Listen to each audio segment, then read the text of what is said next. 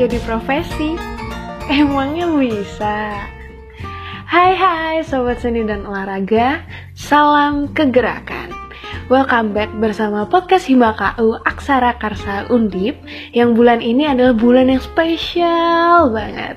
Karena bulan ini kita bakal bahas yang di luar akademik Yaitu melenceng jauh ke otak kanan Yaitu bidang senior. Mungkin kalian pertama kali denger senior kayak Wah cutting nih, wah takut nih, enggak ya.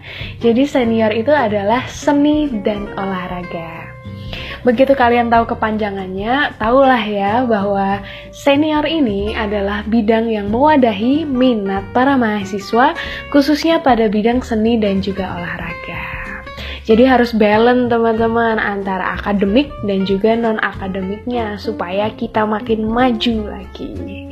Oke, kita lanjut ke topik awal yang tadi kita awali ya. Bener gak sih hobi nyatanya bisa juga jadi profesi?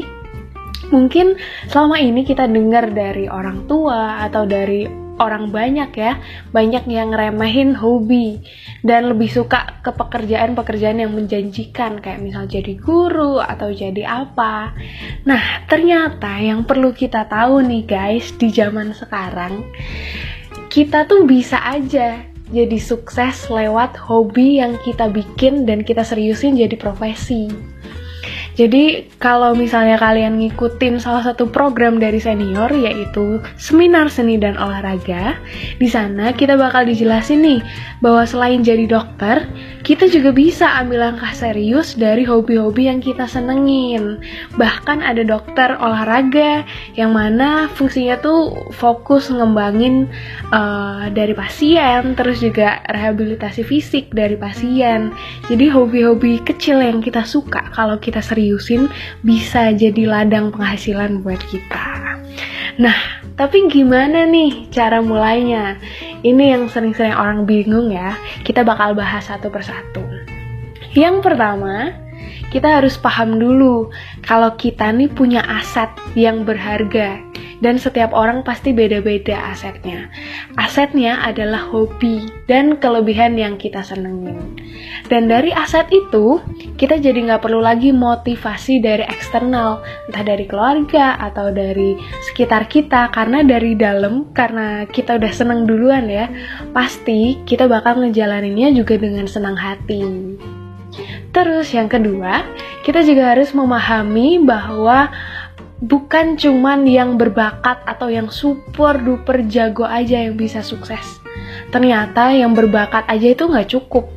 Jadi semua bakal sukses kalau kita punya pemahaman diri, terus juga kita punya perencanaan dan kemauan yang penting untuk mewujudkannya.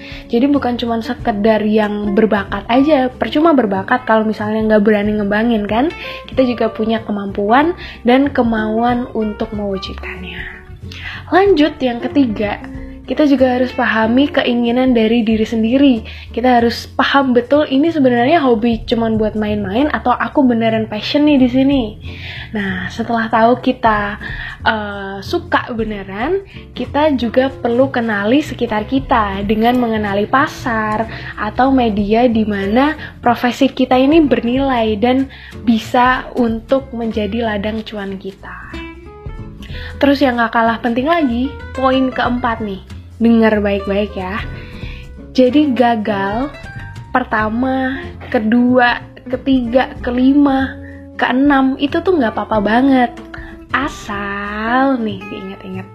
Kita harus bangkit 7 sampai 9 kali lebih dari kegagalan kita.